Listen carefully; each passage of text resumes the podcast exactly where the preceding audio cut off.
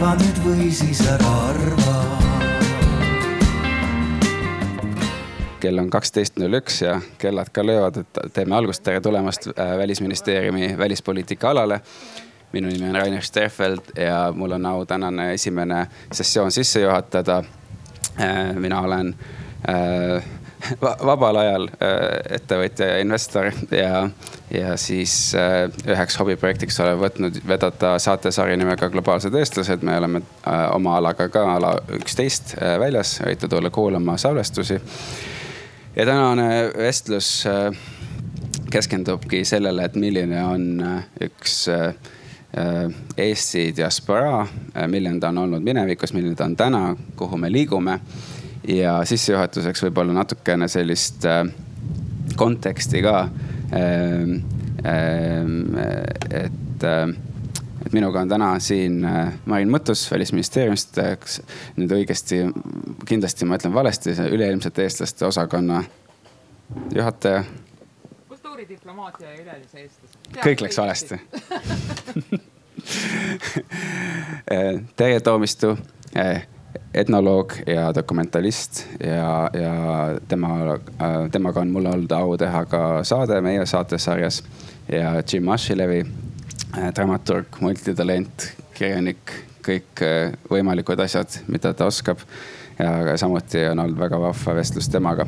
nii et selles, selle seltskonnaga me täna siit äh, käima tõmbame ja loodame, et aitab teie mõttelendu ka kaasa aidata. ja, ja võib-olla küsiks kontekstiks nii palju, et miks selline arutelu üldse, miks selline mm, teema on oluline ja ma võib-olla, kui lubate, siis ma natuke tsiteerin meie enda saatesarja nii-öelda sellist äh, kirjeldust, et miks me üldse sellist asja teeme. ma arvan, et see ei ole saatesarjaga seotud, see on üldse Eestiga seotud.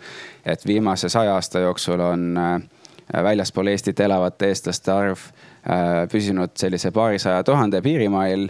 Ehm, ja, ja hea statistika selle kohta puudub, selle sündmuste rohke sajandi sisse mahub äh, pool sajandit okupatsiooni, mis on üks suur põhjus selle, sellest, et äh, miks me üldse täna sellest sellisel kujul räägime, kuigi ka teised diasporaad räägivad sellest, äh, kui, kui me räägime internetist ja, ja üleilmastunud, ütleme planeedist. sinna noh sisse võib ka öelda selle, et, et meil on olemas termin nimega väliseestlane, mis ilmselgelt tekkis okupatsiooni tingimustes, sest selgelt tekkis sees ja väljas. ja täna me oleme lihtsalt vabad eestlased, kes ise valivad ja otsustavad, kuidas nad elada tahavad, kus nad elada tahavad. ilmselgelt meil on kodu Eesti ja kõik me ehitame Eestit ja, ja eestlaste liikumine vabas maailmas on andnud võimaluse panna meid äh, Äh, võrdsetena proovile erinevatel elualadel üle maailma. ja tänu nimelt äh, siis äh, vabadusele ja, ja internetile väga paljuski on meil nüüd võimalus siis siduda hajala eestlased üheks suuremaks võrgustikuks ja, ja kui me mõtleme, kui me räägime rände migratsiooniekspertidega, siis, et kes, millised on sellised hästi toimivad võrgustikud, no nemad vaatavad rännet täna me võime rääkida rändest ka, aga võtame veel laiemalt, et rände seisukohast loomulikult me võime rääkida äh, Liibanoni või Iiri või Jaapani diasporaadest, mis on hästi toimivad ja, ja aktiivsed. meilgi on päris palju sellist, lihtsalt me ei ole seda veel nii kaua saanud praktiseerida. ja sellega ma teekski nagu algust, et võib-olla Marin äh,, ole hea ja võib-olla tee ots lahti, et kuidas äh, Äh, välisministeerium, kuidas sina näed seda olukorda täna, kuidas äh, paiksete mm,, äh, kuidas milline on olukord nagu Eesti kogukondadega üle maailma, ütleme siis nii? ja aitäh, aitäh, Rainer. tõepoolest, ma olen vägagi nõus, et selline diaspora teema ei ole aktuaalne mitte ainult Eestis aga e, samas e, aru saada, kellest me siis täpselt räägime, kui palju neid on ja kus, on suhteliselt keeruline. ja meil käibib selline number kakssada tuhat, et umbes nii palju on Eesti juurtega inimesi välismaal. samas meie väga lugupeetud rahvastikuteadlane Ene-Margit Tiit, kellega me tegime koostööd, hindas seda arvu umbes saja viiekümnele tuhandele oma, oma siis meetoditega uurides. aga minu teada ainus mees, kes on julgenud välja öelda täpse numbri, on loomulikult armastatud kirjanik Ernest Hemingway kes ütles välja selle, et maailma sadamates seilab ringi kolmsada kakskümmend neli pleekunud juustega eestlast, kes siis saadavad kodumaale raporteid oma ehm, seiklusrikastest reisidest ja sealt loomulikult on siis pärit see tsitaat, mida me kogu aeg Hemingway'le oleme, oleme omistanud, et igas maailma sadamas on mõni eestlane aga kui me nüüd vaatame geograafiliselt, kus need inimesed on, no kõige rohkem elab Eesti inimesi kindlasti Soomes. teine küsimus, kas neid nüüd võib nimetada just üleilmseteks eestlasteks, kas nad iseennast selleks peavad? siis on meil ju äh, väga sellise pika ja ma ütleksin austusväärse ajalooga äh, kogukonnad, näiteks Kanada, näiteks Rootsi, kellel on Eesti äh, okupee-, okupatsiooniaegne eh, selline tõelise poliitilise võitluse kogemus. ja muide, mida on huvitav vaadata, on see, kui algas Ukraina sõda, siis näiteks Kanadas, näiteks Rootsis, nende inimestega me olime koheselt ühel lainel. Stockholmis hakkasid kohe uuesti peale, eks ole, esmaspäevased kogunemised, et seal ei olnud mingit vahet, kuidas me seda tunnetasime. siis on uued kogukonnad näiteks võtame sellise riigi nagu Holland, kus on eh, meil kiiresti kasvamas just nimelt selline kolmanda laine väliseestlast põlvkond, eh, kes on läinud õppima, tööle. no Holland, mida me ilmselt ei tunneta eriti niisuguse no et, et seal on nüüd Eesti diaspora. siis on meil Vene diaspora, mis, mille juured on juba üheksateistkümnendas sajandis ja võtkem Peterburi Jaani kirik, kus on tegutsenud or organistina Tobias, kus on tegelikult tegutsenud Jakob Hurt. meie kultuurijuurtele on see väga oluline. nii et tegemist on väga eh, eripärase, väga kirju niisuguse kontingendiga, kus on praegu toimumas toimunud või toimumas väga selge põlvkondade vahetus. ja noh, ma arvan, et selle juurde, mida me riigina tahaksime teha, kuhu me tahaksime liikuda, selle juurde me veel jõuame. aga võib-olla ma noh stardipakuks ütleks sellise mõtte, et meil ei ole ja kindlasti ei oleks mingisugust põhjust kuidagi neid inimesi õpetada või püüda neile öelda, mida nad peaksid tegema. aga meie eesmärk on see, et nad tunneksid, et riigi õlg, Eesti õlg on nende jaoks olemas, kui nad tahavad midagi teha ja kui nad noh, tahavad midagi ette võtta oma Eesti sideme säilitamiseks Terje, äh, Marin just mainis äh, ühte väga olulist äh, terminit nimega migratsioonilained, et täna me elame selles nii-öelda kolmandas migratsioonilaines. ma arvan, et nii sina, Jim kui mina oleme selle, selle laine nii-öelda, ma ei tea, ühed osalised või kui nüüd õigesti öelda. ja, ja oma filmis Põlvkond piiri taga sa seda ka uurisid, kuidas sina tunnetad olles nüüd rääkinud paljude inimestega koha peal, äh, seal, kus nad täna elavad. kuidas nemad näevad ennast ja kuidas nemad näevad Eestit? Ja see, kas mind on kuulda? Äh, see film äh, Põlvkond piiri taga, seal kõneleb kakskümmend üks inimest, kes on olnud Eestist ära Äh, mõned aastad kuni kümme, üksteist aastat, ehk siis nad on kõik osa sellisest Y-põlvkonna äh, rändemustrist. see on siis põlvkond, kes sai täiskasvanuks pärast seda, kui Eesti oli liitunud Euroopa Liiduga, kui, kui oli hästi palju uusi võimalusi minna välismaale õppima ja tööle, aga samas olid ka sellised äh, Äh, sellised nähtused nagu, nagu lennupiletite äh, kiire odavnemine, mis võimaldas ka sellist, äh, sellist pendelrännet jätkata Eesti vahet ja olgugi, et inimene võib-olla kolis UK-sse, oli tal võimalus käia viis korda aastas Eestit, et oma nii-öelda kultuurilist identiteeti või, või suhet perekonnaga säilitada ja teiselt poolt olid siis ka kõik virtuaalsed kanalite kiire areng, mis võimaldas samamoodi seda sidet hoida. ehk siis selle põlvkonna jaoks Eestist äraminek minek ei olnud enam üldse nii fundamentaalne otsus, vaid see oli selline üsna kerge, see oli paljuski isegi loomulik, et, et, et loomulikult, et kui mul on võimalik näha maailma, see võimalus, mida, mida meie vanematel ei olnud sellisel kujul. et siis loomulikult ma haaran sellest võimalusest kinni, lähen välismaale õppima, ilma nägema.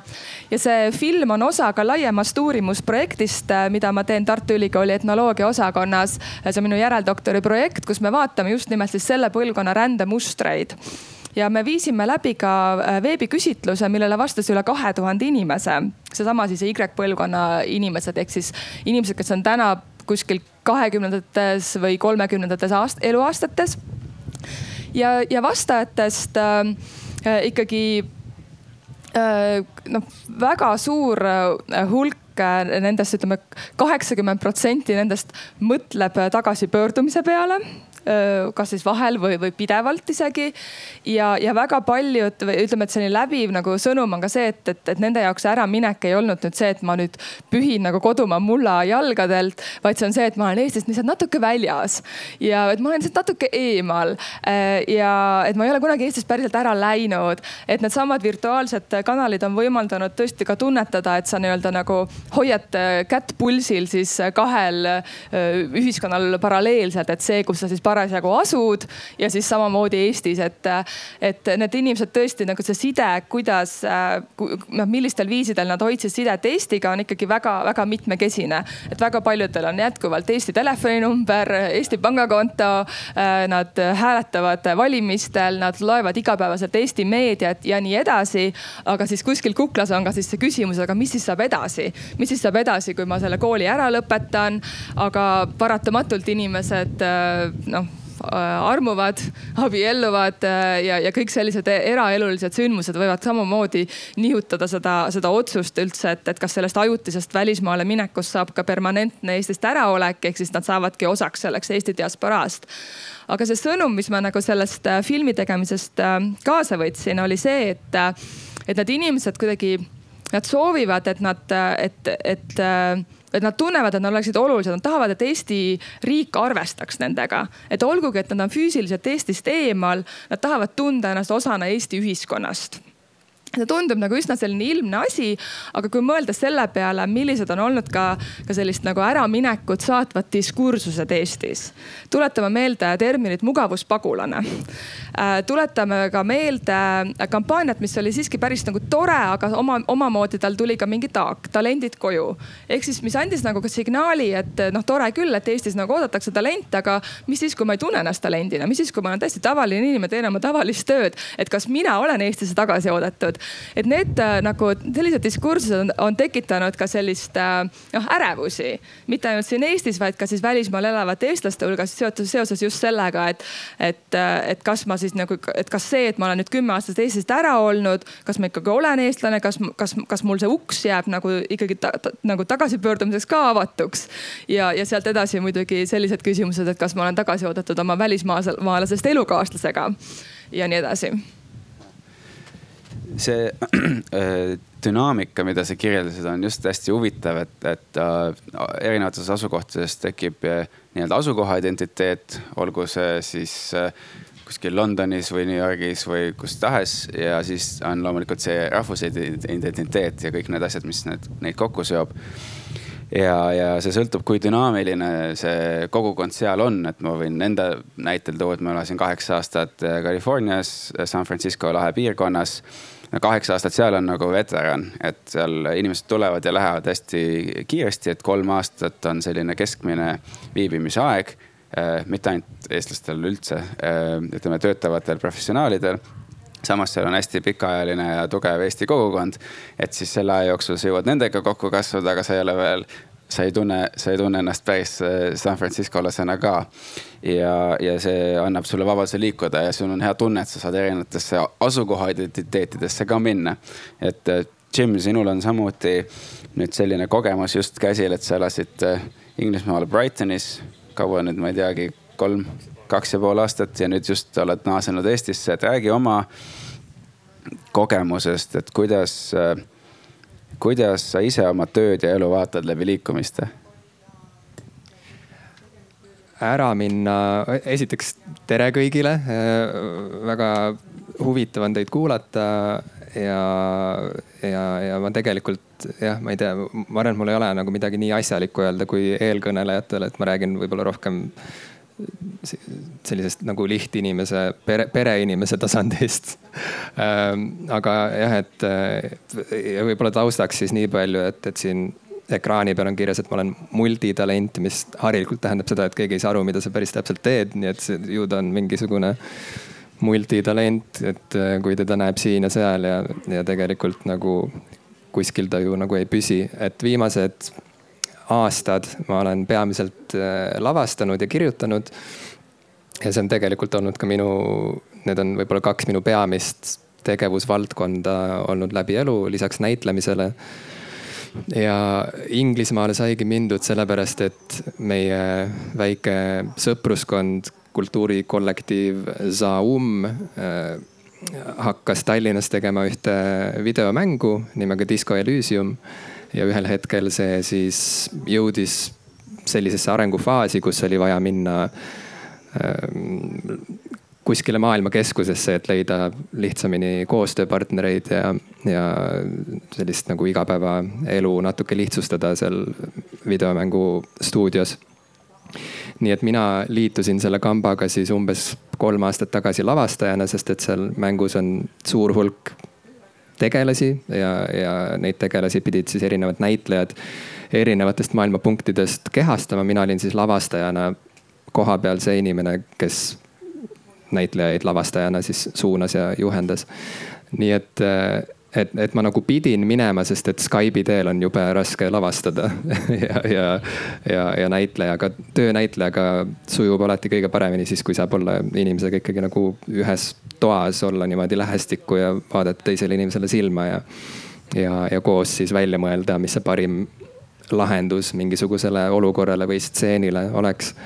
nii et ma nagu pidin minema, aga, aga mul ei olnud mingisugust suurt äh, vajadust nagu põgeneda Eestist või, või, või ma ei tea, ühesõnaga, et see oli nagu sihuke töö tõttu tehtud otsus, mis alles seal kohapeal olles hakkas äh, oma tegelikku tähendust ja potentsiaali avama mu jaoks, et alles Inglismaal elades ma sain aru või õigemini mulle tuli meelde, kui hädavajalik see on käia aeg-ajalt Eestist ära, et lihtsalt äh, näha, kuidas meid nähakse, esiteks. ja teiseks, ähm, et äh, tuletada endale meelde, kui palju suurem on maailm tervikuna, kui ainult see väike maalapp siin maailma nurgas. ja ma ei tea, kas see asi on ainult minus, võib-olla on, aga kuidagi siin kohapeal olles läheb see jube kiirelt meelest, sest et ähm, Äh, ma ei tea, kas on palju rahvaid maailmas olemas, kes nii palju tegeleksid mingisuguse oma identiteedi ja, ja mingisuguse nagu, kes ma olen ja kuidas mind nähakse küsimusega. et äh, pigem äh, ütleme, eriti inglise keelt kõnelevad kultuurid on väga harjunud sellega, et nad võivad minna ükskõik millal, ükskõik millisesse maailmapunkti noh, piltlikult öeldes lüüa jalaga uks lahti ja hakata rääkima ja, ja, ja keegi ikka vastab, sest et kõik ju räägivad inglise keelt, aga samas, kui sa lähed siit Eestist kuskile väljapoole ja hakkad kohtuma inimestega, siis saab hästi ruttu selgeks, et on jah, mingid valdkonnad, kus äh, Eestit nagu tuntakse või, või ollakse kuuldud sellest, aga sellises nagu argisuhtluses mina kohtasin ikka väga vähe inimesi, kes üldse olid kuulnud Eestist või, või, või üldse said aru nagu millest ma räägin, kui ma, kui ma räägin, et ma tulen Eestist ja kus see on täpselt, mis, mis keelt te seal räägite. et äh, just bussis teel siia ma kuulsin tagaistmel räägiti, ma tulin välisministeeriumi bussiga ja seal räägiti, et see, see, et Eest, Eestit jube hästi tuntakse laias maailmas on müüt. ikkagi, et see on sihuke reklaamitrikk. Ja ma olen selles mõttes puhtalt oma kogemusest lähtudes äh, sellega väga nõus, sest ma olen mingeid väga jaburaid küsimusi kuulnud Eesti kohta ikka Inglismaal olles. Äh, üldse ei tea, kas see vastas su küsimusele, ma isegi ei mäleta, mida sa küsisid. Sellest ei ole midagi, küll aga see tuletab mulle meelde ühte sellist äh, ütleme ajaloolist mustrit, et kuidas erinevad äh, inim, äh, ütleme etnilised äh, rühmad üldse vaatlevad liikumist oma maa, pere või töö kaudu, et et Ameerika on selles mõttes huvitav koht, kuhu on hästi paljud inimesed tulnud, sa saad hästi palju vaadelda neid ja, ja, ja mulle jäi silma ikka päris huvitav selline asjaolu, et noh, et ameeriklased liiguvad sinna, kus on töö. Ja see ongi Ameerika ajalugu, uued, võimalused ja, ja nii edasi, mis sellega kaasas käib. Anti-establishment ja ise olen oma peremees. Aasia inimesed liiguvad äh, seal, kus on pere või, või siis, kui on töö tõttu, siis pere liigub koos selle töö tegijaga, kes läheb kuhugi. ja ajalooliselt eestlased on olnud väga seotud oma maaga et äh, mind üldse ei huvita, mina olen siin. Äh, ma saan, ma teen seda, mis ma siin saan teha, aga ma siit ära ei lähe. Ja mis on väga vahva, sest meil on Eesti. Äh, aga loomulikult nüüd on nagu see koht, kus meil on ka vaba maailm. ja üsna tihti meil tekib ka selline olukord, et kuidas me üldse nimetame kogu seda värki et meil on hästi palju laensõnu eesti keeles, et diaspora, no see ei kõla eriti nagu vahvalt, siis me räägime siin hajalaeestlastest, hargmaistest eestlastest ja, ja ma mõtlesin selle peale, ma olen selle väga palju mõelnud. Ja, ja varsti teeme ühe saatesalvestuse keeleteadlase Indrek Pargiga, kes on Indiana ülikoolis ja temale see sõna hajala üldse ei meeldi. et la laienda nii-öelda asukoha määratlusega stiilis võimla ja söökla, asula, et siis kuidas nagu see hajala nüüd nagu asukoha määratlus on ja, ja, ja mul on üks idee, mida ma mõtlesin, ma viskan siin õhku äh,. lihtsalt, et väike käiguvahetus ja, ja võib-olla tekitab, et äh, meil on mingid slaidid ka seal äh,. vist on juba üleval, üks on seal telgis, üks on siin äh, lava kõrval. nüüd teie laval olles seda ei näe, aga ma võin seda ette manada lihtsalt, et aidake kaasa mõelda. üks hetk, kas ma nüüd leian selle ülesse? ma panen niimoodi et, et tekib küsimus, et mil, publik näeb seda ka, et, et millise sõnaga siis kirjeldada sellist üleilmset eestlaste võrgustikku kahekümne esimesel sajandil. meil on nagu välja, välja, ei ole veel välja kujunenud peale jah, võõrsõna diaspora ja mul tekkis selline mõte, et tegelikult meil on ju oma olemas sellised ajaloolised külatüübid lausa kuus, et meil on Hajaküla ja Tänavküla ja Ahelküla. no siis on nagu variatsioonid sellest, eks ole, Ahelküla variatsioon nagu on Harkküla ja siis on veel Ridaküla, mis tegelikult on lihtsalt ranni, ranna ääres nagu rannakülana. ja siis on Sumbküla, meil on neid olemas et see on nagu üks äh, viis mõelda, et kuidas inimesed ennast organiseerivad külas, maalt läksime, noh tekkisid külad, külast äh, linna. liigume üle maailma siis on, siis hakkame mõtlema, kuidas üldse inimesed suhtlevad, ütleme Paul Barani arvutivõrkude teooria järgi, kuidas andmeid eh, hoiustatakse ja kuidas arvutid töötavad, et sul on kõigepealt tsentraliseeritud serverid, see on see, kuidas me alustasime. siis sul tekivad, ütleme detsentraliseeritud võrgustikud, kus on mingi rohkem sellised keskused, see on see, kus me täna oleme. muuseas, et meil on Torontod ja Sydney'd ja Göteborgid ja kõik nii edasi ja siis on inimesed, kes selle vahel liiguvad ja, ja, ja vahel on vaja kellegagi ühendust saada, siis sa lähed ja otsid läbi selle keskuse. ja loomulikult, mida rohkem vabamaks äh, me kasvame, nagu mulle meeldib öelda, ja internetiseerume, seda rohkem me saame täiesti äh, äh, hajusalt suheldud, ilma tsentraalsete ütleme punktideta, kuigi ka neid on vaja. et need punktid ei ole kuidagi selle võrra olulisemad või vähe olulisemad, kas ta on nagu indiviid või ta on mingi keskus. Aga, aga, aga see on see, kuhu nagu maailm liigub. lisaks sellele on tekkinud nagu terve rida ideid selle kohta, et kuidas üldse võrgu äh, võrgustunud äh, riiki luua kui sellist ehk network state inglise keeles, mida võimaldab ka, et sul on väärtustepõhine kogukond, kus ma ei tea vasakukäeliste kalameeste ühing. Lihtsalt mingi suvaline mõte, et teeb enda oma süsteemi ja hakkab selles süsteemis elama ja et see on nagu täiesti võimalik. ja sellega tekkiski mul see, et kuidas siis tuua see küla inimvõrgustik ja, ja maailm nagu kokku. Ja, ja mul tekkis idee, et äkki mis oleks, kui selle nimi oleks nagu ilmaküla ja, ja ma, ma ei ole seda Eesti Keele Instituudile veel saatnud, kui keegi teist istub siin ja mind ära ei taha tappa, siis ma võib-olla saadaks sinna. Äh, et see on lihtsalt üks idee, noh sõna, ideid võib alati genereerida, iseasi, kas nad kinni ka peavad. nii et see on nagu see idee, mis mul oli ja ma isegi jooksutasin seda otsingut meie õssis nii, nii kaks tuhat üheksa kui kaheksateist versioonis ja tuleb välja, et seda sõna ei olegi meil olemas, nii et see oli lihtsalt väike kõrvalepõige ja, ja, ja sellega seoses äh, liiguks äh, diskussiooniga selles mõttes edasi, et see äh,. me oma ettevalmistuses arutasime, et mis, mis et äh, intrigeeriv sõnapaar, et edukas diaspora või siis, et, et me ei taha ju olla edukultusest kuidagi kantud, et mis on aktiivne või hästi toimiv diaspora. kas on üldse oluline mingit empiirilist meetrikat panna? vanasti saadeti koju raha, no kui kodu on ka liikuv ja inimesed liiguvad, et siis on hoopis mingi ühendused. ma nägin mingit Walesi diaspora strateegiat, kus oli ühenduste arvu mõõtmine oli nagu eesmärgiks seatud, mitte raha saatmine. nii et kuidas, võib-olla ma laseks teistel rääkida, ma räägin liiga palju. et Terje, võib-olla sealtpoolt tuleme siiapoole, et, et kuidas sa näed seda proaktiivselt või hästi toimivat diasporaad edasi siit minnes no selge on see, et välismaal elavad eestlased teevad tohutut tööd selle nimel, et üldse tutvustada maailmale sellist sõna nagu Estonia või Estland või Eesti äh,.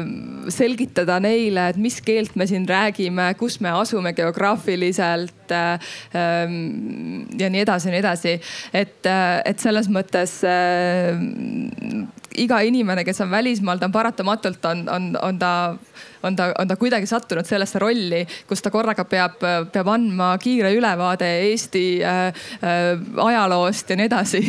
et see ei ole muidugi kõigile alati nagu ootuspärane, kui nad Eestist ära lähevad aga noh, et sellele nagu lisaks, et, et selline igapäevasele suhtlusele lisaks on ju ka väga paljud inimesed, kes tõesti hoiavad seda lippu kohe väga kõrgel, et oma erialase töö kaudu on jälle see Eesti bränd sealjuures või, või, või nad tõesti juba ka toovad nii-öelda nagu kodu Eestisse tagasi nagu mingil viisil, et nagu sa mainisid, et, et vanasti räägiti diasporaadest ikkagi niimoodi, et, et saadeti raha siis koju. aga noh, see oligi tihti nagu selline koloniaalajastu märk et, et sa lähedki oma sellesse, et sa lähed siis nagu endisest koloniaalriigist sinna, sinna kohta, kus saab rohkem raha ja siis saadad oma sinna äh, Aafrika perele ja sugulastele palju raha.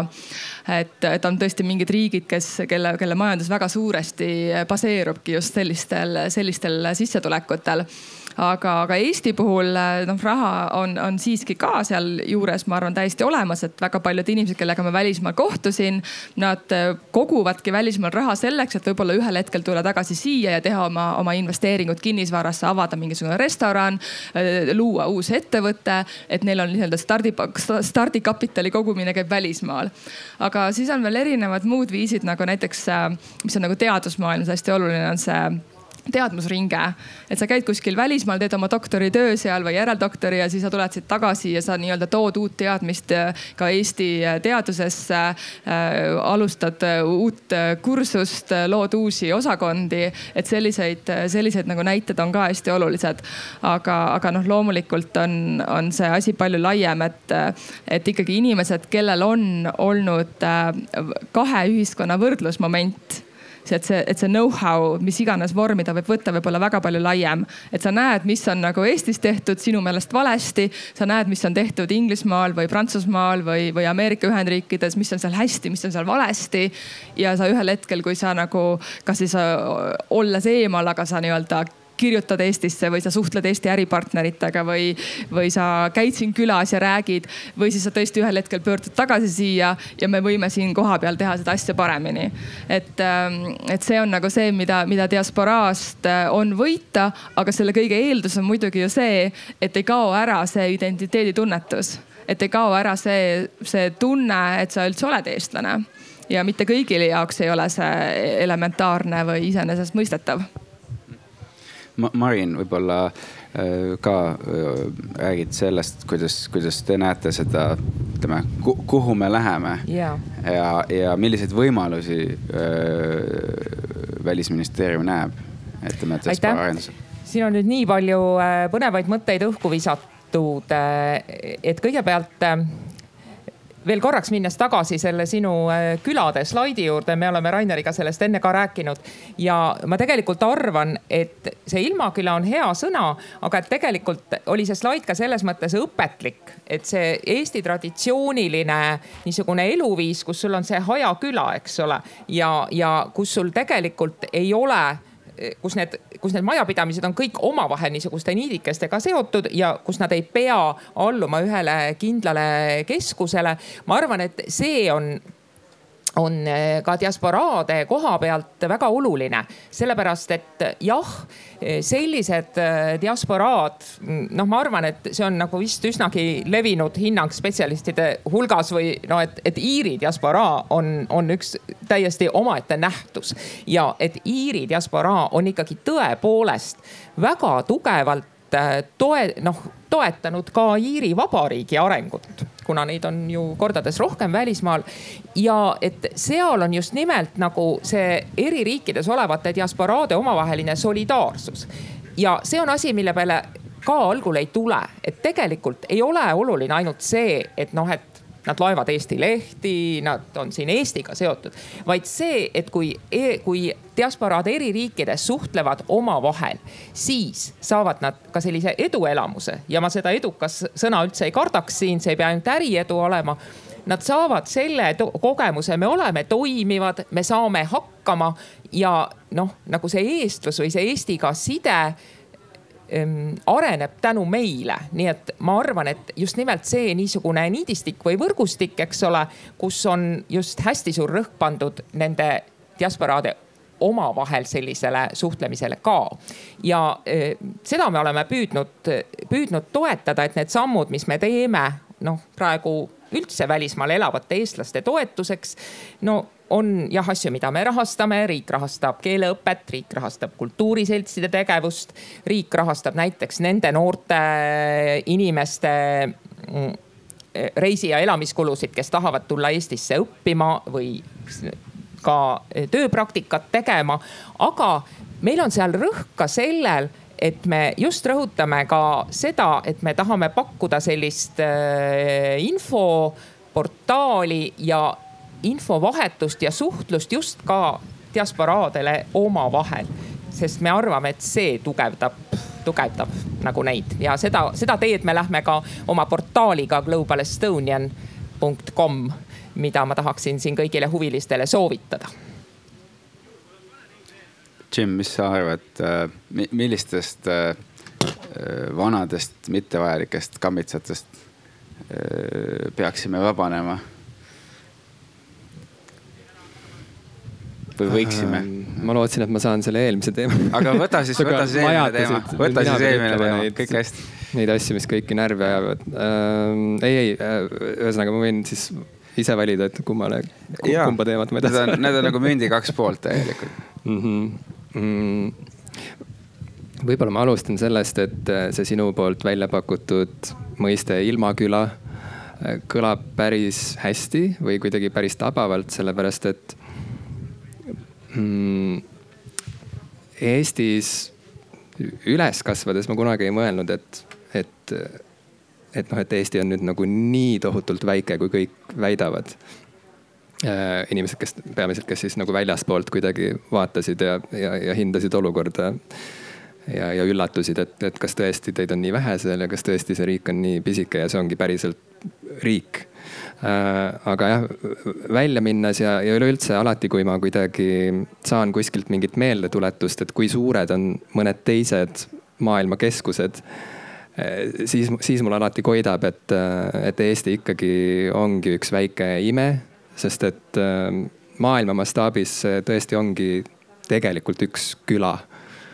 mitte üldsegi nagu halvas mõttes äh, või mingis hinnangulises mõttes, vaid puhtalt suuruse poolest juba on Eesti ikkagi põhimõtteliselt küla, kui, kui, kui vaadata suurlinnade poole nagu näiteks New York. Äh, vaatasime abikaasaga Netflixis seda Fran Lebowitzi doksarja, mille Martin Scorsese tegi. Liibuvits väga armastab New Yorki ja rääkis oma elust seal ja siis korraks mööda minnes mainiti ka seda, et noh, et kõik need kaheksa miljonit inimest elavad siis siin nüüd selle väikse saarekese peal. ja siis korraks mõtled, et oot-oot-oot, kaheksa miljonit inimest on ühes linnas.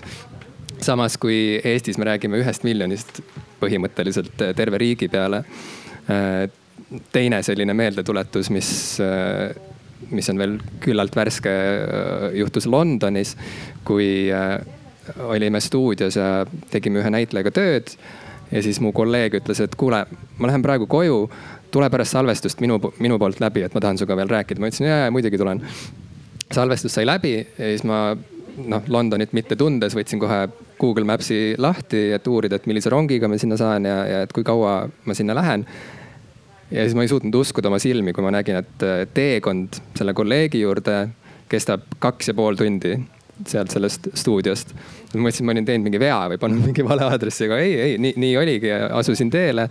ja see tähendas, et ka tagasitee sealt kestis kaks ja pool tundi, mis nagu jällegi Eesti mastaabis tundub täiesti absurdne nagu, et oota, kuhu sa mind kutsusid kas ma pean Tallinnast Võrru nüüd tulema sulle külla täna ja siis veel minema Tallinnasse tagasi et, et selles mõttes nagu äh, mina läksin igati sihukese küla mentaliteediga või, või, või kuidagi küla äh, mõõdupuuga laia maailma ja, ja see on hästi imelik tunne või kuidagi see, see tekitab mingit hästi imelikku sihukest nihestatud reaalsuse taju.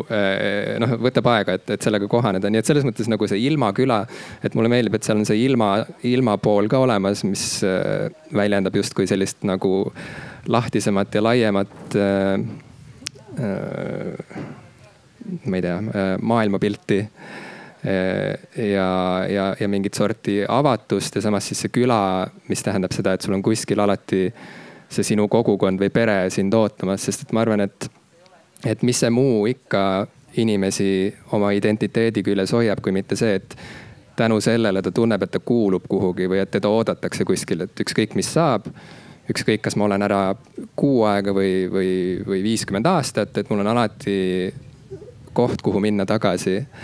ja, ja nüüd ma jõuan selle teise küsimuse juurde, et, et millest me võiksime nagu lahti lasta, et äh, minu arust number üks ongi see sihuke nagu äh, võõra viha, mis saab alguse alati sellest, et tuntakse hirmu oma heaolu ja, ja ma ei tea, olemasolu pärast, et see on, et, et tuntakse end ohustatuna. ja siis igaks juhuks teeme nii, et ärme ärme räägi kellegagi, ärme usalda kedagi, hoiame kokku, ajame seda oma asja siin ise, et vahet ei ole, mis ümberringi toimub. Äh, seni, kuni meie siin äh, omavahel kuidagi hakkama saame, siis on, siis on hästi, aga, aga see ongi jälle üks selline nagu äh, illusioon, selline ohtlik illusioon, millega rahvuslus minu arust meid kuidagi nagu uinutab, et, et äh, et just nagu oleks võimalik olla korraga suletud ja, ja äh, mitte aldis dialoogiks. ja, ja samas ühenduses muu maailmaga ja olla siis kuidagi saavutada mingisugust edu et, et mis edu sa saavutad, kui, kui sa kõigi ees ukse kinni lööd äh, piltlikult.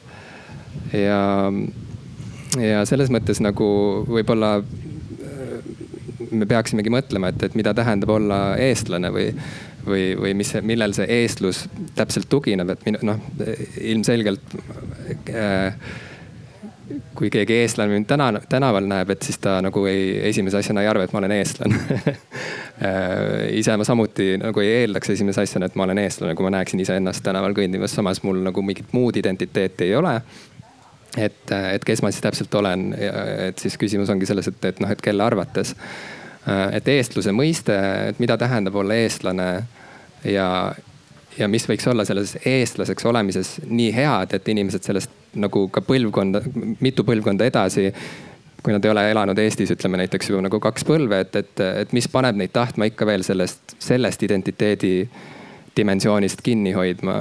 et ma kohe lõpetan, ma lihtsalt ütlen, et, et need erinevad Iiri diasporaad ja, ja Itaalia ja, ja, ja noh, erinevad sellised lahedad Euroopast tulnud kogukonnad, kes Ameerikas näiteks on saavutanud mingisugust edu, ükskõik mis kujul siis. et, et seda on väga inspireeriv ühest küljest näha, kuidas nad alati noh, Itaalia ameeriklased alati ikkagi rõhutavad, et, et ma olen pärit Itaalia perest isegi kui tegelikult Itaaliast oli pärit tema vana-vanaisa, siis ta ikkagi räägib, et ma olen itaallane ja meil on Itaalia pere ja meil on siuksed Itaalia traditsioonid. et mis on Itaalia, Itaalia juures või itaallaseks olemise juures, äh, mis paneb inimesi nagu sellest kinni hoidma niimoodi, kuigi võib-olla neli põlve edasi enam ei oleks just nagu põhjust mul on kolleeg, äh, kes on, kelle isa on itaallane, ema on ameeriklane, üles kasvanud äh, äh, Ameerika läänekaldal. Ta ei räägi sõnagi itaalia keelt aga, aga peab oluliseks ikkagi tutvustada end Itaalia ameeriklasena alati väga-väga ilusad mõtted ja, ja just selle mm, nagu identiteedi küsimuse osas on üks huvitav näide. me täna salvestame saadet Adam Rangiga, kes on, ise kirjeldab ennast kui kolmanda põlve väliseestlast, kes tuli Eestisse e-residentsuse programmi turundust tegema.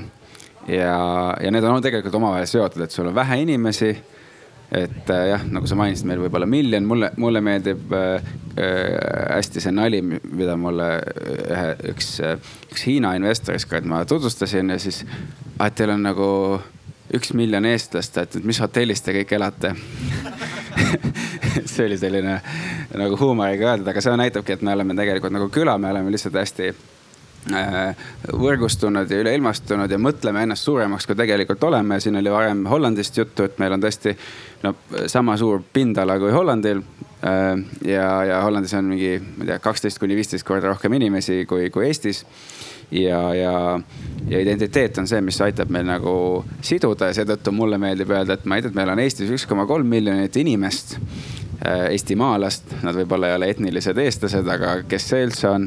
ja siis meil on kakssada tuhat inimest väljaspoolt ja siis meil on üha rohkem inimesi, kes taasavastavad tänu sellele identiteedile, sellele äh, loole, mida me oskame rääkida. avastavad Eestit, kuulge, see on ju vahva, ma tahaks õppida selle keele ära et äh, meil on ju see Kanada eestlane Josh Gold, kes on väga-väga suur Eesti äh, fänn ja, ja tahaks teha kõike, et Eestis elada ja, ja püüab seda kõike teha. nii et meile vahel tundub, et me räägime sellest liiga palju. ma olen veetnud väga palju aega väga edukate, ütleme ettevõtjatega või, või poliitikutega ja sa kõrvalt neid vaatad, sa näed, et kui palju peab ühte ja sama laulu laulma. kujuta ette, et sa oled mingi artist mingi Rolling Stones, kes just esines Stockholmis mingi kuuskümmend aastat on teinud seda värki ja oli Stockholmis kolmekümne teist korda. kujuta ette, sa laulad seda ühte sama lugu I can get no satisfaction mingit, ma ei tea, viie tuhandendat korda, see peab olema ikka usutav. aga pane nüüd ennast selle artisti seisukorda, et see, ega ma, kaua ma seda teen. et kui meile endale juba tundub, et see on tülgastav, siis võib-olla see alles töötab ja meid on nii vähe. Marin, palun. Nonii nüüd me siis jõudsime sinna, kus ma pean ütlema Rainerile, ei, ma ei ole sinuga nõus. Et äh, ühesõnaga ja eh, ma olen vägagi nõus sellega, et äh, me peame pakkuma eh, seda, millega inimesed tahaksid ennast seostada. Eh, ja see peab olema ja apetiitne ning äh, ma ma kindlasti, ma meenutaks sinu enda, Rainer, intervjuud Ave Laureniga, keda me ka väga siia tahtsime, aga Ave ei saanud tulla. ja kus tuli välja näiteks niisugune teema ikkagi, ta ütles, et me peaksime olema enesekindlamad. me peame me peame olema endas kindlad, me peaksime rääkima endast kindlamalt ja kasutas sellist sõnapaari nagu eestluse ebakindlus, millest tuleks lahti saada. ja see hakkas mulle nagu, see hakkas mind intrigeerima, ta ei pidanud silmas mitte noh, üksikuid inimesi, et sa pead oskama ennast müüa, mitte seda, aga eestluse kui selle narratiivi ebakindlust. ja ma muide sihilikult testisin seda paari välismaal elava eestlase peal, kes on pärit nüüd nendest niisugustest äh, nii-öelda vanadest kogukondadest, Kanadast ja Rootsist. ja huvitaval kombel sain ma kohese vastulöögi neilt. ei meid see ei puuduta, meil ei ole sellist ebakindlust, me ütleme igal pool, et me oleme eestlased. see on sinu mure, sest sa oled Nõukogude okupatsiooni all elanud, see on teie mure seal. ja vot see oli huvitav, et kohe tekkis nagu ja mina ütlesin oot-oot-oot, kas me nüüd oleme kuskil mingite üheksakümnendate aastate debattide juures tagasi, kes on kõige õigem eestlase, eestlane, et sellel ei ole ju mõtet. et noh, vot siin on see, et, et ärme ehita neid tabusid, kui me ei julge ise arutada oma ebakindlust ja seda isegi nimetada siis me ei jõua kuskile, siis hakkavad selle ebakindluse üle arutlema teised ja teevad seda juba nii, nagu neile on kasulik ja meeldiv. me oleme väike riik, me oleme geograafiliselt äh, raskes kohas, meil on raske ajalugu, meil on haavatav demograafia. räägime sellest ja räägime just nimelt äh, nii, et on nii et räägime eestlased Eestis ja eestlased välismaal. ja võib-olla teine mõte, et ähm, ma siiski arvan, ma olen, Jim, sinuga väga nõus, et äh, me kindlasti ei tohiks sellist rahvusepõhist identiteeti väga rõhutada pigem me võiksime võib-olla riigipõhist identiteeti rõhutada. Eesti kui ikkagi avatud, demokraatlik, uuendusmeelne riik kuid inimesel on vajadus ennast millegagi seostada ja ma väga lühidalt räägin oma kogemuse, mis on nüüd pärit minu välisministeeriumi eelsest ajast. ma olen selle põlvkonna inimene, et ma olin täiskasvanud siis, kui piirid üldse lahti läksid ja minu unistuste maa oli Hispaania. ma käisin seal palju, ma tegelesin, ma rääkisin seda keelt, ma tõlkisin neid raamatuid, eks ole, mul on siiamaani kodus kaks riiulitäit raamatuid, mis on selline esseistika, mis tegeleb just nimelt selle hispaanluse kui ideega, kes me oleme, meie identiteet. mulle tundus see kohutavalt oluline, ajalugu, baskid, katalaanid, kuningavõim, kõik see, eks ole. ja no ma käi-, ma käisin seal niivõrd palju, mul oli seal niivõrd palju sõpru, et noh, et tegelikult oli laual, et ma oleksin sinna mingil moel jäänud, eks ole. aga mingil hetkel hak-, sai see sai see asi nagu otsa, ühesõnaga ma tundsin, et jaa, ma võin sellesse lõpmatuseni süveneda, see on lõpmatuseni huvitav, aga nendes päris põhiküsimustes ma ei ole see, kes räägib. Ja vot siis ma tabasin ära, et noh, väga huvitav on teistesse riikidesse süüvida, neid jälgida ja alguses on see kuidagi nagu meeldiv selles suhtes, et kui seal midagi halvasti on, siis see ei ole sinu mure mm. -hmm. sa jälgid kõrvalt ja kui seal noh, mingisugused poliitikud kaklevad omavahel, miski on valesti. noh, see ei ole minu mure, aga siis sul hakkab vaikselt tekkima see, et aga ma tahaks, et miski oleks minu mure ka ma tahaks, et ma millegi külge kuuluks, ma tahaks, et mina oleks selle asjaga seotud ja mitte ainult pragmaatilises asjas, et kuidas prügivedu toimib või kus pood on. vaid nagu selle, ma tahan midagi ülevamat, olla seotud selle ideega ja vot kui me suudaksime selle Eesti narratiivi selliseks koos rääkida, ma arvan, et see oleks äge tegu no siit on seesama punkt, mida ma alguses juba ütlesin, et, et, et välismaal elavad eestlased tahavad tunda ennast olulistena. Nad tahavad tunda, et, et nad on osa Eesti ühiskonnast ja sealt tulebki see, et kui, kui see tunne on olemas, siis nad räägivad ka kaasa. et see on selline ka, ka selline üks eelarvamustest on see, et välismaal elavad eestlased ei, ei tea, mis Eestis toimub ei, nad on väga hästi kursis, nad jälgivad meediat ja sealt meedia kaudu võib jääda ka selline äh, kohati ka vildakas pilt on ju, sõltuvalt sellelt, kes on võimul ja mis diskursused parasjagu siis avalikus ruumis äh, tiirlevad. et äh, tulles tagasi selle küsitluse juurde, mida ma mainisin, siis kaks tuhat inimest, kes elavad, on hiljuti elanud Eestist väljas või elavad ka praegu Eestist väljas. ja selle küsitluse me viisime läbi kui oli, oli Eesti sisepoliitikas selline väga kentsakas aeg ja see tuli sealt vastustest välja, et mul on piinlik olla eestlane. ma armastan Eestit, aga ma vihkan Eesti riiki sellised vastused. et, et mida ma tahan öelda, on see, et, et diasporaa poliitika kujundamises on, on samavõrd oluline ka see, et mis me siin sees teeme, et mis on see Eesti üldse, millega nagu inimesed tahavad seostada. et, et, et, et see on ikkagi ka sisepoliitiline küsimus, et milline Eesti on ja siin on samamoodi see, see seostub ka, ka Jim nagu sinu tähelepanekuga, et, et seesama küsimus, et, et kui ikkagi inimene välismaal tunneb, et ta tahaks tulla tagasi Eestisse, aga ta kardab tulla tagasi Eestisse sellepärast, et tal on välismaal välismaalasest ja võib-olla ka mittevalge elukaaslane ja, ja sealt tulevad nagu sellised hirmud, et kuigi ma tahaks tulla, aga ma kardan oma elukaaslase või oma laste heaolu või turvalisuse pärast. see äh, on üsna sarnane sinu, Marin, sinu lugu sellega, mis, mis mina tundsin, kui meil kolm aastat tagasi tekkis võimalus Eestisse tagasi tulla. me olime olnud ära kaheksa aastat, lapsed Äh, polnud kunagi Eesti, mu vanem laps oli kolm aastat Eestis elanud ja palju ta sellest nüüd nagu mäletas. ja, ja siis äh, tekkis selline mõte, et kuidas seda lahendada, see, et, et noh, et millisesse ühiskonda, millist ühiskonda meie ehitame, millisesse ühiskonda meie panustame. ja ma mäletan veel sellist hetke ka, et ma sõitsin äh, San Franciscosse, mõtlesin, et noh, et kes on nagu, kes on nagu ameeriklasest vist, mis hetkel sa oled nagu ameeriklane ja kuna see nii-öelda inimkäive on nii, nii suur, et inimesi tuleb ja läheb nii palju ja nii tihedalt.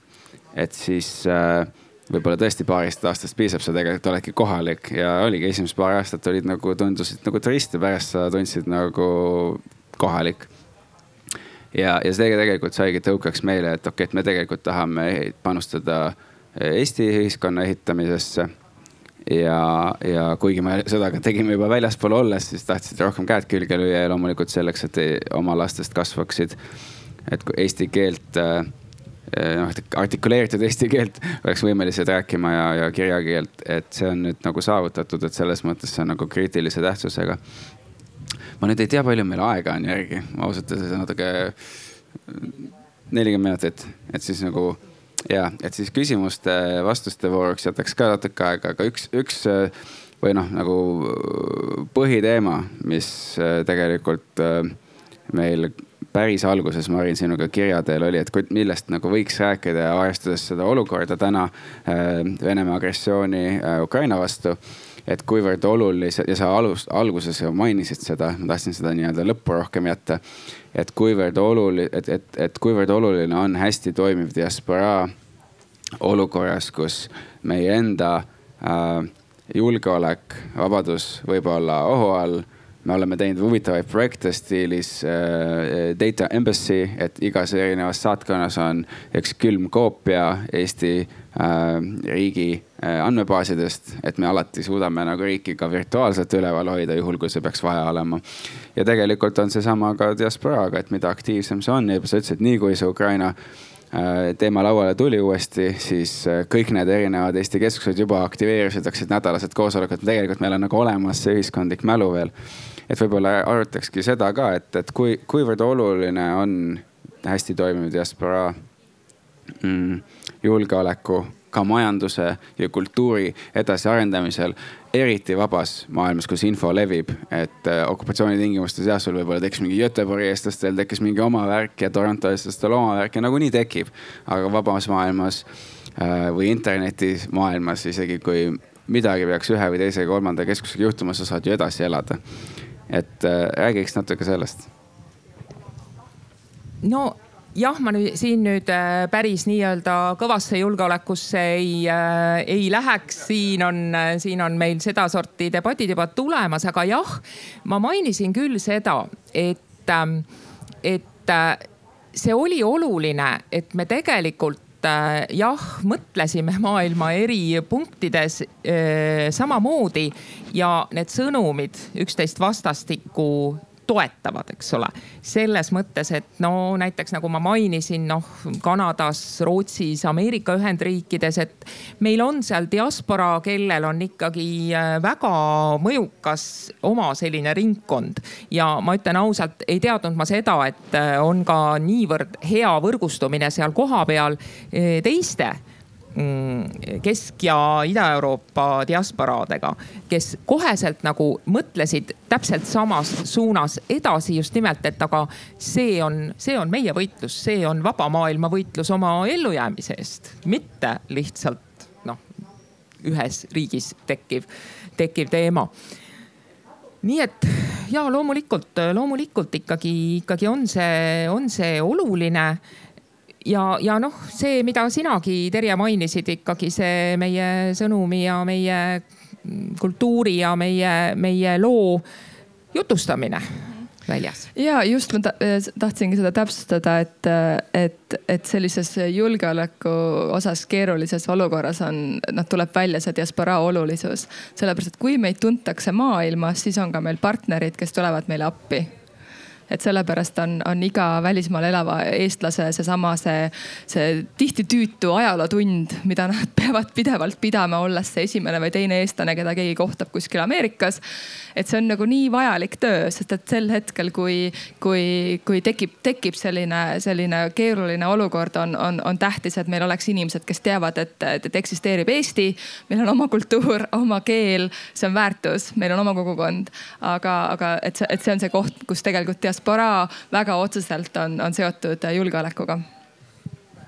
ja jälle isiklik kogemus siia juurde rubriigist äh, Jimmy Inglismaa anekdoodid ja seiklused äh, seal äh, oli kohe tunda seda mm, ühtekuuluvustunde olulisust ja, ja, ja, ja seda, mis tunne on, kui seda ei ole, kui puudub see ühine pinnas et, et, et, et täpsemalt rääkida, siis ühesõnaga kohe, kui sõda algas, siis eh, noh, meil seal ülipalju Eesti päritolu sõpru ei olnud Brightonis ega Londonis, aga, aga näiteks mu laps käis eh, koolis ühe poisiga, kelle ema oli Poolast pärit.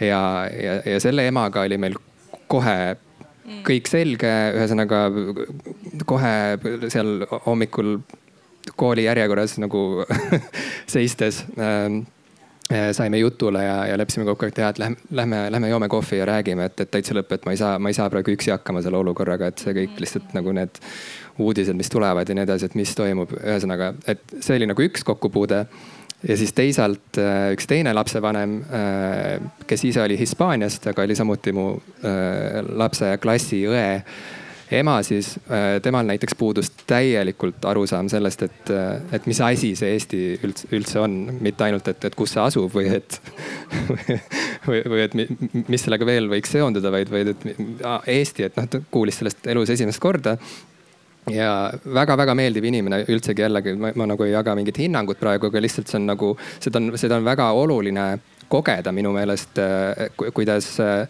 maailmas on nii palju inimesi, kes üldse mitte nagu paha pärast reaalselt lihtsalt ei tea, äh, mis asi see Eesti on või, või mis need Eesti mured täpselt on.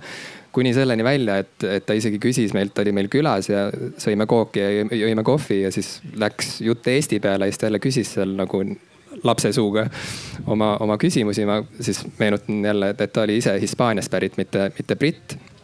Aga küsis, et oota, aga ikkagi ma ei saa aru, et et oota, mis keelt te räägite seal onju, siis meil on täitsa oma keel, räägime eesti keelt. aga, aga miks te ikkagi ei, ei tahtnud selle nagu Venemaa osa olla, et, et, et miks te sealt tahtsite ära tulla või kuidagi, et. ja siis te saategi aru, et, et nii siin pole põhjust praegu solvuda, kuigi ma tahaks aga reaalselt inimene ei tea, noh, et mida ma teen, kui ta ei tea nagu, et talle ei õpetatud Hispaanias koolis ajalootunnis Eesti ajalugu, et, et see, see lihtsalt on nii ja, ja see ei ole üldse paha pärast praegu, aga, aga noh, just nimelt nendes kriisiolukordades muutub see, see kuuluvustunne või see, see, et keegi mind märkaks või et keegi minust hooliks. et, et kellelgi oleks üldse mingi kokkupuutepunkt või mingisugune empaatia minu suhtes, et see on, see on lihtsalt äh, elulise tähtsusega sellistes olukordades.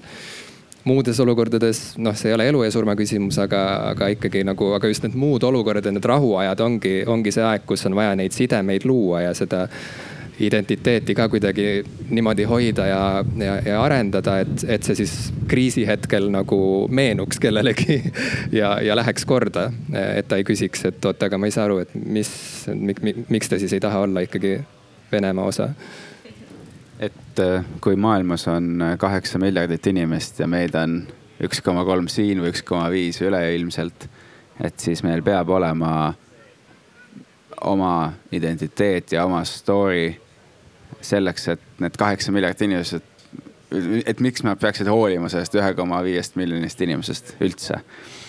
olukorras, kus infot on nii palju ja, ja kus äh, eksisteerivad naljad, et mis hotellis te kõik elate. et see, see on oluline, see on osa meist ja, ja seetõttu mulle näiteks isiklikult väga meeldivad projektid nagu e-residentsus, mis annab võimaluse rahvusidentiteedi kõrval hoopis luua ka väärtuste identiteeti ja võimaldaks meil ehitada ennast suuremaks, kui me tegelikult oleme. et me oleme selline huvitav rahvas, et meil on nagu üks, üks jalg selline metsikus ürgses looduses või minevikus või mõttelaadis. ja, ja teine on äh, täiesti nii-öelda kahekümne esimese sajandi digitehnoloogia, et meil on nagu mingi tükk vahel, mida me kõik teadvustame Äh, ja teame, et me ei tohi seda unustada, aga me ei taha, et see juhiks meie edasisi kuidagi noh, et, et, et sellest tulenevad igasugused äh, negatiivsed ilmingud meie käitumises, psühholoogias, me tahaksime nendest ilma olla ja edasi liikuda, et see on nagu hästi-hästi-hästi tugev asi ja seetõttu me sellest ka räägime. ja, ja ma vaatan seda kui võimalust, mitte kui, et, et ah, jälle ma pean rääkima, noh sellest rääkimisest me ilmselt ei vabane ma, kui sa lubad mulle ühe kommentaari äh,. Jim ütles ühe huvitava asja siin välja ja mina olen kogenud ise diplomaadina töötades, et äh, jättes isegi nüüd ajaloo kõrvale need ajaloosündmused konkreetsed, aga väga raske on suurte rahvaste esindajatele selgitada, miks me eelistame kuuluda väiksesse rahvasse ja mitte suurde kui meil oli see võimalus olla osa väga suurest rahvast et miks me, miks me tahame väiksed olla, miks me ei taha suur olla ja ma olen tõsimeeli pidanud seda inimestele selgitama, kes ise on suurrahva liikmed ja ma arvan, et siin mm, ma lugesin mõni nädal tagasi, oli väga huvitav mõttevahetus Aro Velmet ja Margit Sutrop. Aro Velmet, kes töötab, eks ole, USA-s ja Margit Sutrop, kes on siis samuti teadust teinud välismaal, et, et noh, ma ei, ma ei süüvi nüüd teadusesse, ma seda ei tunne, eks ole. Mm, aga et, et miks jääda välismaale või miks tulla tagasi, Terjele ka ilmselt lähedane teema. Ja Margit Sutrop oli see, kes siis oli tulnud tagasi pärast kümmet aastat välismaal ja see oli huvitav. ta ütles, esimene põhjus Eestisse tagasitulekuks on patriootlik. et kui kõik ajud välja voolavad, mis meil siis Eestis, Eestist üldse saab? vaat sinna ma ei oskaks nagu alla kirjutada, see tundus mulle nagu väga selline, selline noh, kuidagi natuke ehmatas. aga tema teised argumendid, mida ta selgitas, olid just nimelt need, et Eesti on see riik, kus sa saad olla ligi põnevatele asjadele. Eesti on see riik, kus sa saad kohe, kui sa oled ise tegija, sa saad kohe koostööle väga kõrgel positsioonil olevate inimestega. sa ei jää nagu selliseks väikseks mutrikeseks, sest meid on selleks liiga vähe, et asjalikud inimesed oleksid väiksed mutrid. ja sa saad nagu tõsiselt mõjutada ja, ja ma arvan, see argument oli tal väga õige, et ma tundsin, et mina filosoofia doktorina, ma saan Eestis tegelikult asju muuta, ma ei pea lihtsalt kirjutama mingeid pabereid, vaid ma saangi, eks ole, kontakti tegijatega, otsustajatega, ärimeestega, poliitikutega, ma saan muuta asju nii et ähm, ma arvan, et noh, see kommentaar nagu, nagu ja, ja, ja noh, see on ka see, mida me aeg-ajalt signaliseerime meie äh, edukatele noortele, kes välismaal õpivad, et teate, te saate kohe nii-öelda nagu käed tainaseks teha, kui ma võin nii väljendada. Eesti on see koht. me oleme nüüd äh, tund aega täpselt arutanud, võib-olla avaks selle diskussiooni publikule äh, ja et äh, milliseid küsimusi teil tekkis, mille, mis, millega resoneerusid mõned mõtted ja mille, mille vastu tahaks vaielda, et võib-olla kas, kas meil on mikrofon ka ja siin on mikrofon nurgas. et kes soovib küsida midagi, praegu on hea hetk ka. praegu ei tule midagi. Nii, teeme siis hoopis äh, sellise, Annet. ma ei tea, kas see töötab või? see vist ei tööta. nüüd okei okay, ähm,, aitäh ähm,, mõtlesin, et lisan äkki, ma ei tea, kas need otseselt küsimused, aga nagu kaks, kaks mõtet. vabandust, meie siia ei kuule midagi seda muuseas. okei okay,, okei okay,, üks hetk. olgu ähm,. nüüd on kuulda? proovime jah, aitäh. olgu, et äh, vähem küsimused, kaks loodan väga lühikest mõtet, mida lisada, et äh, ma ise elan nüüd äh, üheksandat aastat äh, välismaal ja, ja et ähm, äh, mis ma tahtsin siis öelda, et, et nagu rääkides siis sellest, et, et eestlaste võrgustik välismaal, et suhted näiteks minu meelest Eesti siis nagu selle diplomaatilise poole või siis saatkondadega on olnud nagu pigem ütleks neutraalsed või natukene negatiivsed, et mul on tunne ka, et need saatkonnad korraldavad üritusi, aga siis nad on nagu suunatud väga teatud kontingendile. et võib-olla see mõte, mis Terje mainis, et niisugune talentidele või siis kellele noh, mingi teatud sihukesele grupile et see erasektor jääb sellest natukene nagu äh, kõrvale. noh, siis teine küsimus on muidugi, kas, kas nemad on need, kes peavad seda diasporaat siis edasi viima, et muidugi see võib äh, olla ka rohkem selline hajuformaat äh,, nagu enne mainitud. aga minu meelest see juba tekitab nagu mingisuguseid gruppe nende eestlaste vahel, kes on välismaal. Et äh, teine punkt, mis ma tahtsin öelda, on siis see, et kõik, ma arvan, siin teavad ühte eestlast, kes elab Soomes Äh, kes ütlevad, et aa, et kui sa käid poes ja näed teist eestlast, et siis ähm, peidad ennast kuskile riiulite vahele. no sa alguses mainisid ka, et noh, võib-olla Soome omad ei ole nagu täpselt see kontingent või noh, täpselt see nagu diaspora osa või noh, nad on natukene teine case.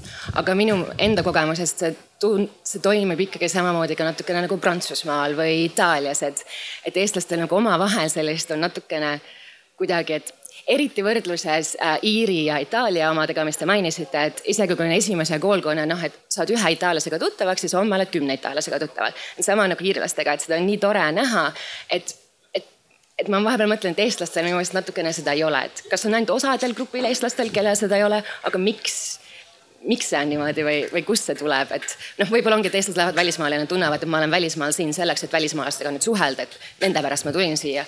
aga noh, et seal sihuke mõte, ma olen vahepeal mõelnud seda. ma võib-olla teen, teen otsa lahti, see on, aitäh, see on hästi-hästi olulised mõttekohad ja ma olen ise ka nendele mõelnud.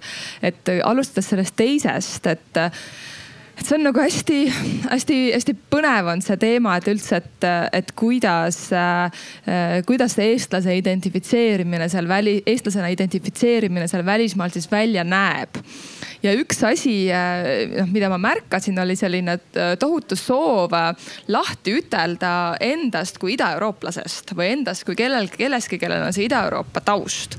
sest sellega seostatakse teatud mentaliteeti, veel täpsemalt niinimetatud nõukogude mentaliteeti, kuidas iganes seda mõista, aga seda seostatakse ka nagu mingit laadi nagu inimtüübiga, mis võib olla vihane, kuri, kade, ma ei tea, kasu, enesekasupüüdlik äh, ja nii edasi.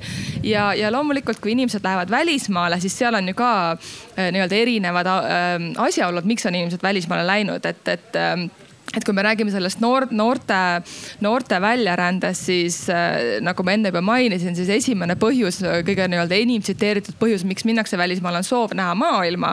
aga üldsegi mitte kaugel sellest pole ka majanduslikud põhjused, et minnakse ikkagi parema palga peale. et, et Eestis ikkagi see palgavaesus, et me ei räägi sellisest absoluutsest vaesusest, vaid just nimelt palgavaesusest, mis mõjutab noori inimesi, kellel on kõrgharidus ja, ja, ja see palk, mida nad saavad, on täpselt toimetuleku piiripalk ja nad lähevad välismaale, nad saavad endale sellist äh, siiski nagu küllaltki mugavat äh, keskklassi elu lubada. et ähm, ja, ja nüüd, kui me mõtleme nende peale, kes lähevad välismaale, siis nende hulgas on neid äh, nii-öelda inimesi, kes on nagu väga tugevalt majanduslikel kaalutlustel läinud välismaale. ja siis on nende kõrval need inimesed, kes lähevad nii-öelda doktorantuuri, kes lähevad mingisugusesse suurde rahvusvahelise organisatsiooni tööle seal on need hierarhiad ja, ja mingit tüüpi inimesi seostatakse seda Ida-Euroopa migrandina, see, kes läheb siis äh, välismaale musta tööd tegema, raha teenima, et ellu jääda. ja siis see, kes läheb välismaale ennast teostama. ja sealt tulevadki need äh, natuke tobedad hierarhiad, mis on ikkagi seotud sellega, et kes me oleme, kust me tuleme, ehk siis sama see Ida-Euroopa taak. see oli nüüd selline pikk ülevaade, aga ma arvan, et see seletab seda, et miks tõesti võib olla olukordi, kus sa kuuled äh, kauplusest eesti keelt ja sa pöörad pea ära, sest äkki oh my god, äkki see on see, see nii-öelda Ida-Euroopa migrant on ju, kes, kes mina äkki ei ole. Äh, või siis vastupidi, et sa ise oled, ise tunned, et äkki sa oled see Ida-Euroopa migrant ja sa näed seda inimest, kellel on seal äh, super palk ja super karjäär ja sina pead siin äh, rügama. noh, ja tõesti paljud, kes lähevad välismaale noh, nooremas eas, et, et seda on ju ka näidatud, näidanud erinevate teadustöödes, et tihti tehakse ikkagi karjääriredelil samm tagasi et, et see ei ole kõigile nagu samm edasi, vaid see on paljude jaoks lihtsalt see, et ma lähen äh, maailma kogema, ma lähen reisima ja ma olen nõus tegema ka sellist natuke lihtsamat tööd, et hea näide on see, kes lähevad Austraaliasse, aga see on võib-olla natuke erinev case, aga paljud, kes lähevad Inglismaale samamoodi, et nad võib-olla lähevad sinna õppima ja kui nad enne võib-olla töötasid ettevõttes või, või mingisuguses suuremas organisatsioonis, siis nüüd nad töötavad baaris näiteks, et tehakse see samm tagasi, aga see palk väärib seda või see kogemus on seda väärt aga nüüd see teine küsimus saatkondade kohta, et see on võib-olla asi, mida, mida ka, ka Marinile edasi põrgatada, aga mulle on jäänud mulje, et kui saatkondadel äh, veel pikalt oli ikkagi see välispoliitiline orientiir nagu see põhiline, et siis võib-olla alles nüüd mingi viimase ma ei tea, kas aastaga on, on tekkinud see tunne, et äkki peaks ikkagi ka, ka nii-öelda nagu diasporaale äh, tegevusi pakkuma, et näiteks, et seesama põlvkond piiri taga kevadel äh, see linastus ja ma käisin nendel linastustel kaasas kaheksa väliskogukonna juures. ja näiteks Berliinis oli see siis äh, minu suureks üllatuseks esimene eestikeelne üritus, mida Berliini saatkond korraldas. ja ma ei taha üldse siin maha teha, Berliini saatkond, väga toredad inimesed ja nii edasi, aga lihtsalt see on nagu üks näide sellest, et kuivõrd saatkonnad seni ei olegi mõeldud mõelnud oma tegevusest midagi, mis võiks olla diasporaale suunatud, vaid see on ikkagi mõeldud nii-öelda välispoliitikale.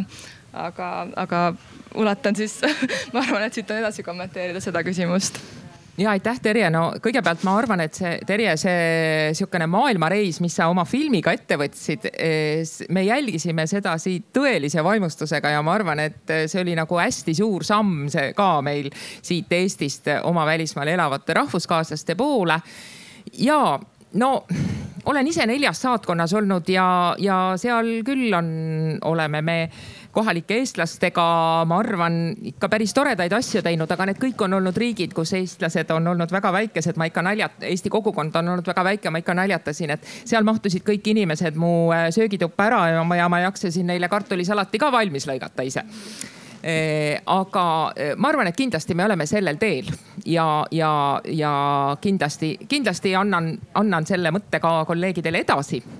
ja eks me proovime paremini, ega muud polegi, aga ma tahaks väga lühidalt selle teise osa kohta öelda. käisin Soomes ja seal oli meil ka juttu, kuidas Eesti riik siis toetab oma inimesi välismaal ja ma kuidagi nagu võtsin südamerinde ja ütlesin sellise mõtte, et teate, me toetame absoluutselt seda, et te õpiksite eesti keelt, me toetame, et te oleksite Eesti kultuuriga kursis, aga ega me tegelikult ei taha väga, et ägedad, asjalikud ja ettevõtlikud Eesti inimesed läheksid välismaale. ükski riik ei taha et me, me ei keela teid minemast, aga ausalt öeldes, noh, see on teie valik, aga ega me seda väga ei toeta, et te nüüd kõik, et te nüüd massiliselt Eestist lahkuksite. ja selle peale öeldi mulle, tead, sa oled esimene inimene, kes ütleb meile, et me oleme ägedad, asjalikud ja ettevõtlikud meil on tunne, et me saame Eestist kogu aeg negatiivset, me oleme majanduspõgenikud, me oleme mugavuspõgenikud, me oleme kes iganes, eks ole. nii et võib-olla te võiksite poes sellele eestlasele ka öelda, et ta on äge ja asjalik ja, absoluutselt nõus, et vaata iga inimene, kes teeb selle sammu üldse minna ära oma tuttavast kultuuri ja keelekeskkonnast, see on suur samm, see on julge samm. et juba, juba puhtalt sellepärast peaks neid inimesi minu meelest tunnustama. ja sealt edasi on jah, seesama selline võib-olla omakasupüüdlik või ütleme Eesti kodueestlastele omakasupüüdlik mõte, et äkki nad tulevad sealt oma vingete teadmiste ja, ja, ja, ja kultuuritunnetusega tagasi Eestisse ja, ja loovad siin mingisugust lahedat uut väärtust. et äh ja suur tänu selle suurepärase mõttearenduse eest, see tuletab meelde seda väga olulist äh, äh, Voltaire'i mõtet, et igaüks peab hoolitsema iseenda aia eest ja, ja, ja kuigi see on mõeldud nagu iseendaga tegelemise äh, kontekstis, siis ma arvan, et riigi identiteedi, meie enda identiteedi tegelemisega peame ka samuti ise, peame oma aia, aia eest hoolt kandma. ja, ja tihti me räägime nagu hästi praktilistest asjadest nagu praegu, et kuidas me poes kellelegi midagi ütleme või ei ütle ja nii edasi. ja, ja siis on see suur pilt, et asjad ju kulgevad nagunii omasoodu, et mingid suured megatrendid, eks ole, olgu see tehnoloogia või mingi demokraatia. aga, aga kui ei hoolitse oma aia eest, siis äh, kasvab umbrohtu ehk siis, et sa mainisid varem seda Ida-Euroopa identiteeti, no on Toomas Hendrik Ilvesega päris palju rääkinud sellest nagu postsovjet riikide terminist, et et noh, umbes stiilis, et, et see on ikkagi veel, ikka veel kestab, mis siis, et me oleme nii palju tööd teinud. kas see on nüüd kuritahtlik või lihtsalt ignorantsus, see on nüüd eraldi teema igaühe puhul, aga, aga et noh, et ma ei tea ei, ei mäleta küll, et tuhat üheksasada seitsekümmend viis keegi oleks rääkinud endine natsi-Saksa vabariik, ikka räägiti nagu Saksa. aga meil ikka näed endine postsovetlik riik nagu hallo. nii et see tegelikult need vanad äh, stambid on visad püsima me peame tegema tööd ja see ongi nagu need, need, need negatiivsed asjad, mida me ei taha näha see ongi nagu umbrohi, et me peame seda harima, seda aeda, nii et see on, see on väga-väga oluline. olgu see mis tahes asi, mis meile parasjagu täna ei, ei meeldi ja siis töötame selles suunas, mis meile, mis meile võiks meeldida. äkki ma võin siia otsa lisada, nagu juba siin täna traditsiooniks on saanud, ma lihtsalt räägin, mis minuga elus on juhtunud, et kuna ma teadust ei tee eh, ja ministeeriumis ka ei tööta, siis eh, kaks väikest sellist juhtumit äh, või, või kohtumist mul õnnestus umbes neli aastat tagasi käia Pekingis ühes ülikoolis, äh, sest et seal töötas üks eestlanna, kes siis õpetas eesti keelt ja eesti kultuuri põhimõtteliselt seal ühes teaduskonnas ja, ja kutsus mind rääkima tudengitele Eestist. ja ja, ja reaalselt läksin Pekingisse ja kohtusin siis käputäie noorte üheksateistaastaste inimestega, kes õpivad eesti keelt ja kuulavad Eesti muusikat ja loevad Eesti raamatuid. viisin neile ka Kivirähki Rehepapi ja Õnnepalu piiririigi ja, ja ühesõnaga näitasin, vaatasime seal Eesti filmi ja filme isegi ja, ja ühesõnaga veetsime koos mõnusasti aega ja, ja, ja muljetasime, et, et mis asi see Eesti on. ja, ja ma olin nii hämmingus, et noh, et jällegi me räägime Hiinast. Hiina on nii suur, et seda tegelikult ei ole isegi võimalik ette kujutada.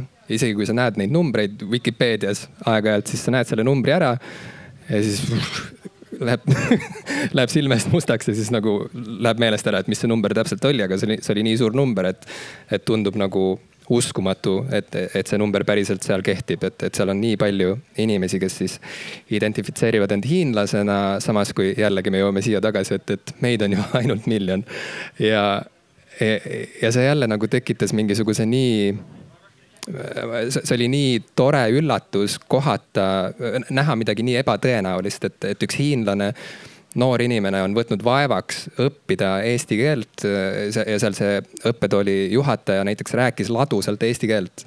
ja, ja äh, oli suur äh, Eesti maalikunstniku Konrad Mägi fänn ja, ja uuris tema töid ja karjääri oma äh, ühe teadustöö tarbeks ja, ja, ja see kõik oli väga äge ja siis samas mul on äh, Hiinast pärit kolleeg, kes äh, elas perekondlikel põhjustel Eestis mitu aastat. Äh, kes tellis takso ja kui takso jõudis kohale ja nägi, et vabandust, sõnakasutuse eest, aga pilusilm, et siis takso sõitis minema.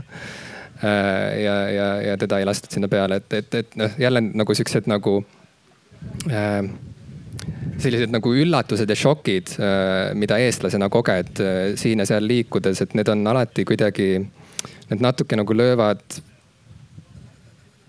äh, löövad nagu kõikuma aeg-ajalt selle nagu usu või, või, või, või, või tahte äh, kuidagi edendada seda Eesti asja, äh, kui sa kohtad seda negatiivset poolt ja samas, kui sa näed seda ägedat poolt, siis jälle saad seda indu ja, ja usku nagu tagasi, et see on hästi imelik selline pidev enesemääratlemise protsess, millesse me kõik heidetud oleme. tahame me seda või ei taha. aga see on lihtsalt sihuke lihtsalt selline saatuse poolt määratud asi, millega väikesed kultuurid ja väiksed rahvad lihtsalt peavad tegelema.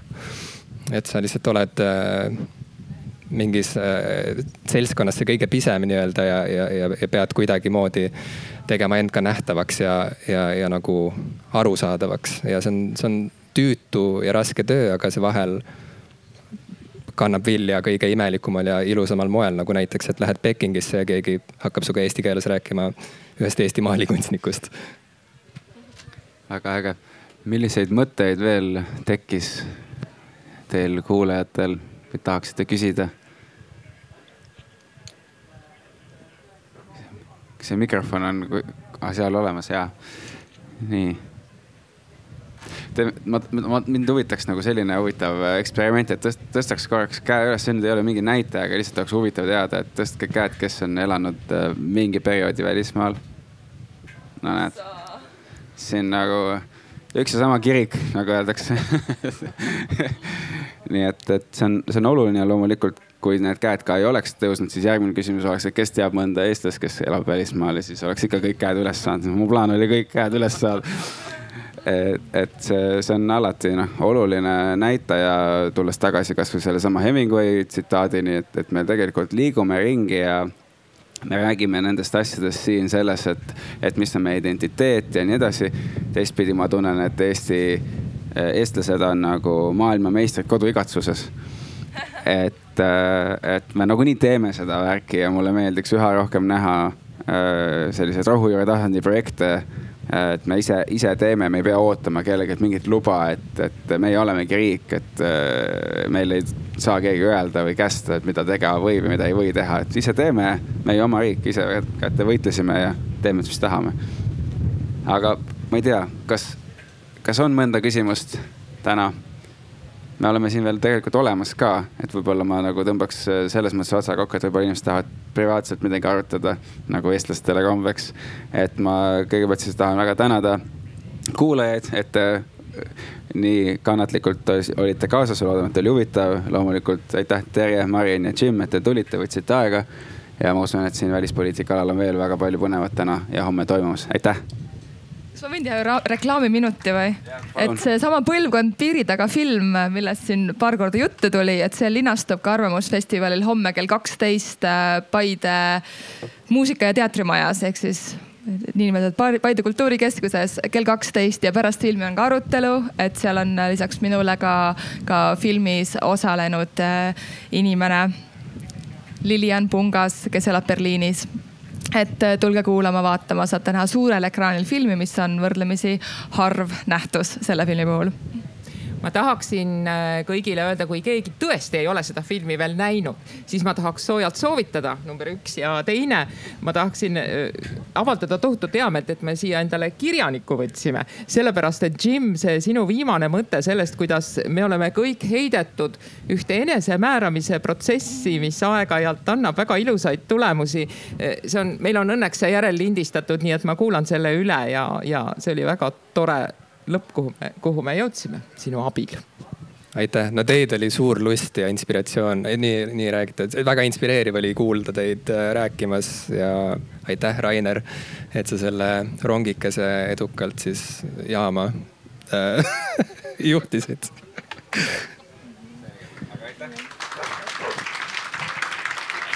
selge see, et ega muudki kõike teha. μαζί με μένα.